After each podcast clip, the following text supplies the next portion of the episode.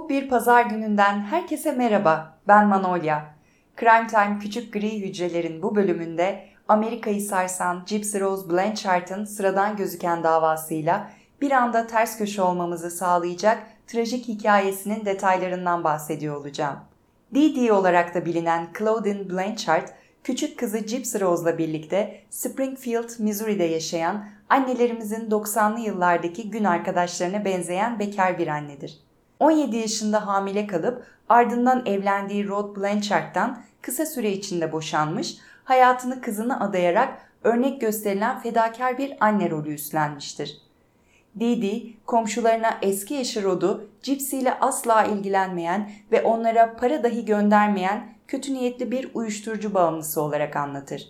Didi'nin hayatındaki tek zorluk elbette çocuğunu yalnız büyütmesi değildir.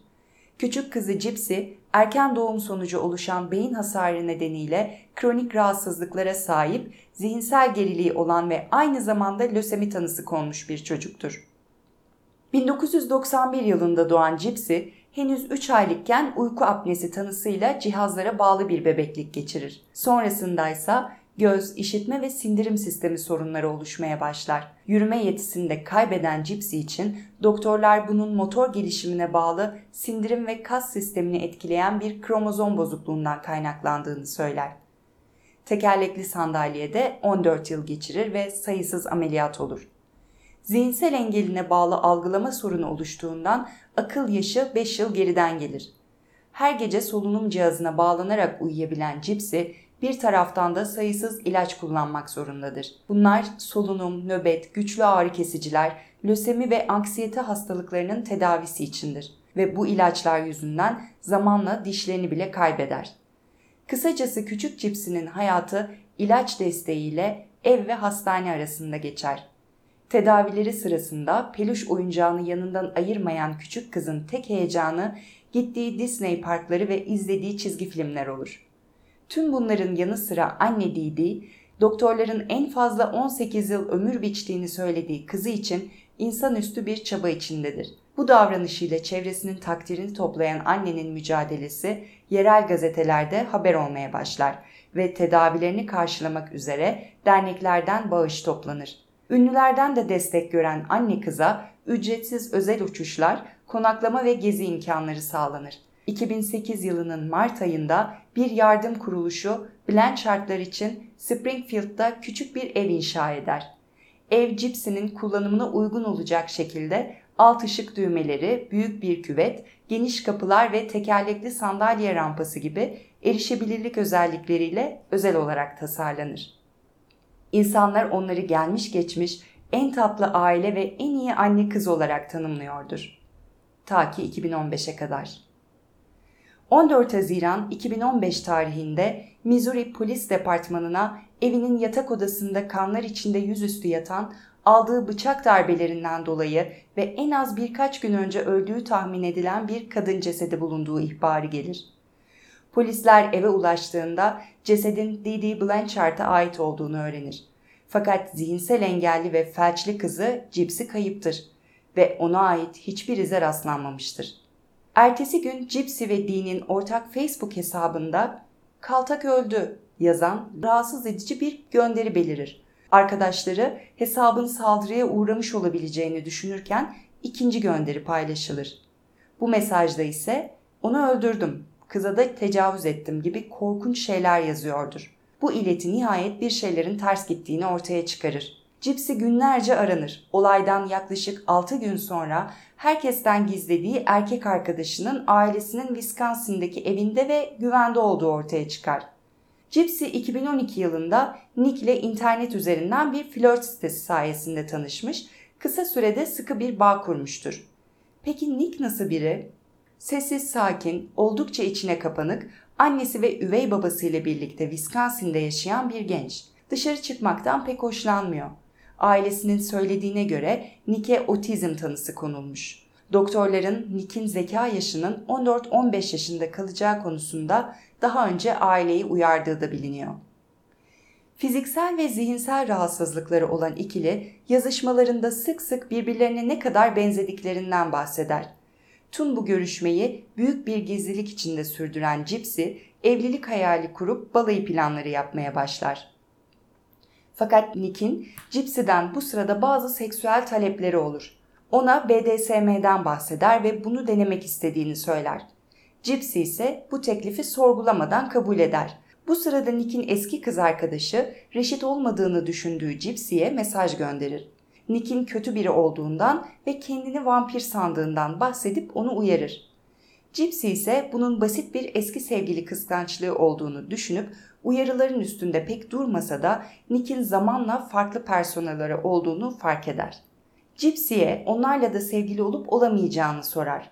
Gypsy de onun diğer kişiliklerine karşılık gelecek farklı karakterleri canlandırmaya başlar.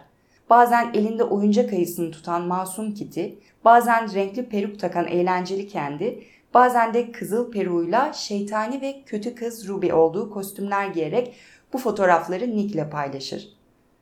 Bu arada Nick 2013 yılında McDonald's'ta 9 saat porno izlediği ve kendisine uygunsuz bir şekilde dokunduğu iddiasıyla ceza alır ve üzerinde birçok bıçak bulunur. Beraberliklerinin birinci yılında Gypsy aynı zamanda sırdaşı olarak gördüğü Nick'e her şeyi anlatmaya başlar. Annesinin izni olmadan dışarı çıkamadığını, o ne derse yapmak zorunda olduğunu ve annesinin ona istemediği şeyleri yaptırdığını anlatır. Nick her konuda desteklediğini ve korumak için her şeyi yapabileceğini söyler. Gypsy Nick'le bir gün sinemada buluşma planı yapar annesiyle birlikte en sevdiği film olan Kül Kedisi filmine gider ve tesadüfen Nick'le karşılaşıp orada tanışmış gibi davranırlar. Sinemada yalnızca üçü vardır ve ergen bir erkeğin yalnız başına Kül Kedisi filmine gelmesini anlamsız bulan Didi, Nick'ten ilk andan itibaren nefret eder ve onu tiksindirici bulduğunu söyler. Çift yanlış bir zamanlama yapmıştır. Nick ve Gypsy hayallerini gerçekleştirmek için sonunda korkunç bir plan yapar. Gypsy Nick'in otobüs biletini karşılar ve Nick Springfield'a gitmek için yola çıkar.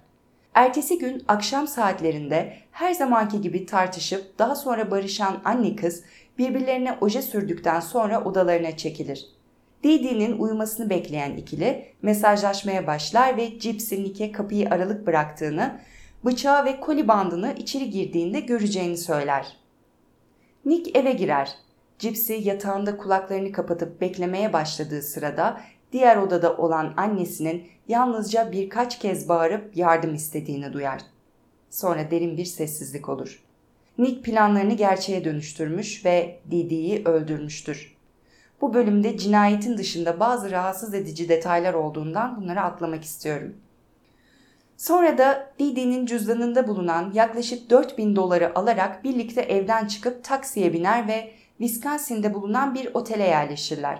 Cinayette kullanılan bıçağı ise posta ile Nick'in ailesinin evine gönderirler. Gypsy artık özgürdür ve balayındaymış gibi davranarak mutlulukla bu anları videoya kaydeder. Gypsy evde yaşananları asla düşünmez onu önemseyen biriyle olmanın tadını çıkarıyordur ve daha da önemlisi artık yürüyebiliyordur. Tekerlekli sandalyeye bağlı felçli birinin bir anda nasıl yürüdüğünü sorarsanız o konudan birazdan bahsedeceğim. Paraları bitmek üzere olan ikili Nick'in ailesinin Wisconsin'de bulunan evine doğru yola çıkar. Onları otogarda karşılayan Nick'in annesi Gypsy hakkında bazı sorular sorar. Annesinin onu evden kovduğunu ve kimsesizler yurdunda kaldığını öğrenince üzülüp evlerinde kalmasına izin verir. Bu sırada Facebook gönderilerini takibe alan polisler Nick'in ailesinin evine gider. Nick ve Gypsy cinayet ve ağır silahlı suç eylemi gerekçesiyle gözaltına alınır. Çift Missouri'ye iade edilir ve ardından tutuklanır. Dava görülmeye başlar. Gypsy'ye annesinin ölümüne sebep olan birine suç ortaklığı yaptığı gerekçesiyle birinci derece cinayetten idam veya müebbet hapis cezası verileceği konuşulur. Bu sırada mahkeme salonunda skandal bir olay yaşanır. Gypsy tek başına yürüyebiliyordur. Bunu gören arkadaşları ve komşuları şoke olmuştur. Yıllardır çeşitli dernekler, komşular ve hatta ünlüler tarafından para yardımı alan Didi'nin geçmişi hakkında mali dolandırıcılık şüphesiyle polis departmanı araştırma başlatır. Kısa sürede her şey açığa çıkar Gypsy'nin sözde engelleri sebebiyle uçak ambulans, lösemi bağışı, ücretsiz konut gibi birçok imkandan fayda sağlamış Didi'nin ideal anne hikayesi bir anda yerli bir olur. Polisler Gypsy'nin doğum tarihini belirlemeye çalışır. Çünkü Didi her yerde farklı bir doğum tarihi kullanmıştır. Dava bir anda gündem olur. İnsanlar acaba Gypsy de yalan söylüyor olabilir mi diye tepki verirken arka planda her şeyin henüz onun söz hakkı bile yokken başladığı bir düzmece olduğu anlaşılır. Yani Didi hiç de göründüğü gibi biri değildir. Dee yıllarca Gypsy'nin çocuk gibi görünmesini sağlayıp onu gerçekte olduğundan daha küçük biri gibi davranmaya zorlamıştır. En kötüsü reflü, epilepsi, anemi, astım, lösemi gibi koyulan onlarca teşhisin dinin korkunç planları sonucu doktorları manipüle ederek sağladığı anlaşılır. Yani Gypsy'nin geçirdiği bütün ameliyatlar her gün kullanmak zorunda olduğu yüzlerce ilaç dinin karanlık zihninin ürünüdür. Size Instagram adresimden Gypsy'nin ilaç dolabını paylaştığımda durumun vehametini daha iyi anlayacaksınız.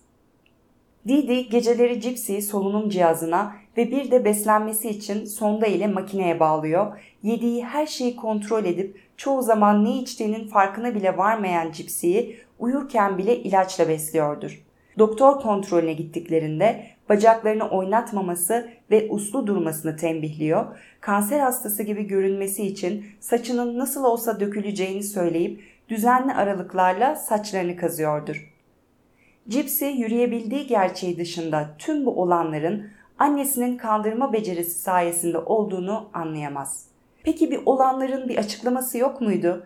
Yani herkesin sevdiği Didi çocuğuna neden bunları yapmıştı? Doktorlar Gypsy'nin Munchausen by proxy sendromuna maruz kaldığını düşünüyor. Bu sendrom bakıcı durumundaki kişinin çocuklarının hasta olduğunu uydurması ya da kasıtlı olarak hasta etmesi olarak tanımlanır. Amacı da bir tür duygusal tatmin sağlamaktır. Bu tür kişiler insanların kendisine acımalarını ve ilgi göstermesini bekler. Yani Munchausen by proxy bir tür çocuk istismarıdır. Davanın ilerleyen günlerinde cinayete bahane bulunmadan sadece hafifletici sebepler değerlendirilip Gypsy ikinci dereceden cinayetle yargılanmaya başlar. Kendisine yöneltilen tüm suçlamaları kabul eder ve Missouri hapishanesinde 10 yıl hapis cezasına çarptırılır. Nick ise birinci derecede cinayet suçlamasıyla 25 yıl hüküm giyer. Alışılmadık ve sıra dışı olan bu davada Gypsy'nin sistematik ve kasıtlı bir şekilde annesinin istismarına maruz kaldığı ve hiçbir hastalığı bulunmadığı belirlenir. Peki sizce burada küçük gri hücrelerini çalıştıramayan ve Gypsy'nin bu trajediyi yaşamasına sebep olan gerçek sorumlular kimlerdi? Bana kalırsa yakın çevresinin inisiyatif kullanarak pek de müdahale edemeyeceği türden derinlikli bir konuydu. Sonuçta ortada yılın annesi ödülünü bile almış, kızına iyi bakan bir anne profili var. Bu durumda kimse taşın altına elini koyamazdı. Belki bir tek Baba Road farkına varıp kızını kurtarabilirdi. Ama o da Didi tarafından zamanında birçok engelle karşılaştığı için bunu asla başaramadı. Zaten kendi suçunu kabul ediyor ve Rod yeterince üzgün. Şu an 30 yaşında olan Gypsy'nin 2024 yılında şartlı tahliye ile serbest bırakılacağı düşünülüyor. Cezası bittiğinde babası Rod ve üvey annesiyle birlikte yaşayacak olan Gypsy'nin tuhaf hikayesinin sonuna geldik. Kaynak olarak kullandığım HBO yapımı Mommy Dead and Dearest belgeselini Blue TV'den izleyebilirsiniz. Ayrıca bu sıra dışı hikayenin The Act isminde bir de filmi yapıldığını eklemek isterim. Fakat henüz izlemediğim için size öneremiyorum. Heyecanlanıp trailerine bir göz atmıştım. Oyuncuların gerçek hikayedeki karakterlere benzemediğini görünce açıkçası biraz hayal kırıklığı yaşadım ve sanırım filme karşı ön yargım oluştu. Gerçek hayattan uyarlanan filmlerden benim tek beklentim ve kriterim bu. Mesela The Monster filminde Charlize Theron'a yapılan makyaj sayesinde karakter Aileen Wuornos'a neredeyse birebir benzetilmiş, ortaya çok etkileyici bir iş çıkmıştı. O yüzden The Act filmini izleyip izlememe kararını size bırakıyorum. Önümüzdeki pazar yeni bir kriminal hikayede görüşmek üzere. Hoşçakalın.